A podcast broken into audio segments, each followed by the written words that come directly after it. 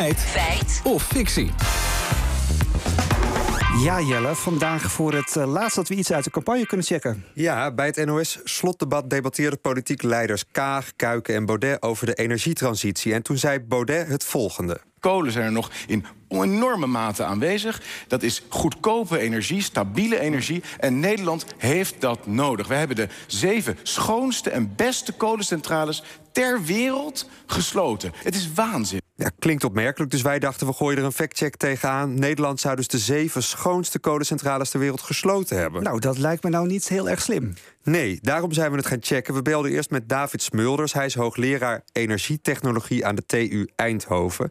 Hij vertelde ons eerst eens even hoe vervuilend kolencentrales zijn. Als je naar de CO2-uitstoot uh, eh, kijkt, dat wereldwijd 29 van alle CO2 van kolencentrales komt.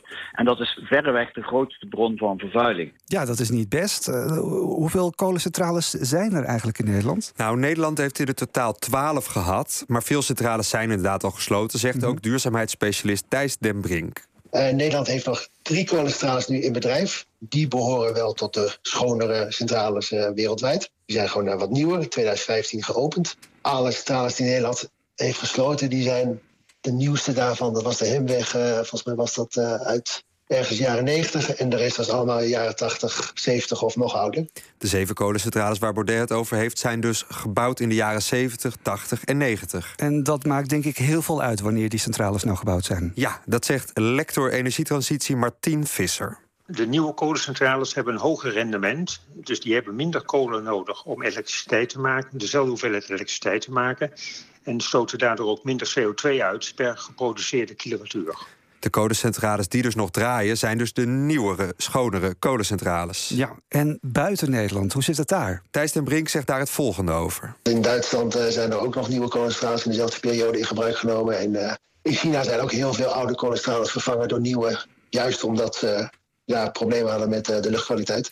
En in Azië hebben ze de smaak helemaal te pakken en zijn ze niet van plan te stoppen met kolencentrales, zegt David Smulders komen er volgens mij in Azië de komende jaren nog eh, minstens 200 bij. Dus dat betekent dat die, die landen die zullen natuurlijk gewoon de allerbeste bouwen, de allerschoonste. Want die willen natuurlijk ook hun, hun bevolking niet uh, ja, opschepen met AV's, CO2-uitstoot en B ook uh, ja, uh, dampende roetwolken die uit die, die schoorsteen komen. Dat is gewoon niet meer acceptabel. Nou, dat zijn grootste plannen. dus kunnen we nu zeggen of de uitspraak van Baudet feit of fictie is? Verlieten David Smulders reageren op die uitspraak. Hij heeft, heeft Nederland de zeven schoonste en beste kolencentrales ter wereld gesloten? Nee, dat klopt niet, want in Nederland zijn we natuurlijk bezig met uh, te sluiten wat het vieste is. Dus we beginnen natuurlijk onderaan. De kolencentrales die het oudste zijn, die natuurlijk ook het eerste afgeschreven zijn, die worden gesloten. En de modernste centrales, die houden we dus natuurlijk zo lang mogelijk open. Hoe nieuwer de kolencentrale, hoe schoner. In Nederland zijn de oude, meest vervuilde centrales als eerste gesloten. En ook wereldwijd worden er nu nog nieuwe, schonere centrales gebouwd. Nederland heeft dus niet, zoals Baudet beweert, de zeven schoonste kolencentrales ter wereld gesloten. Het is fictie. Dankjewel, Jelle.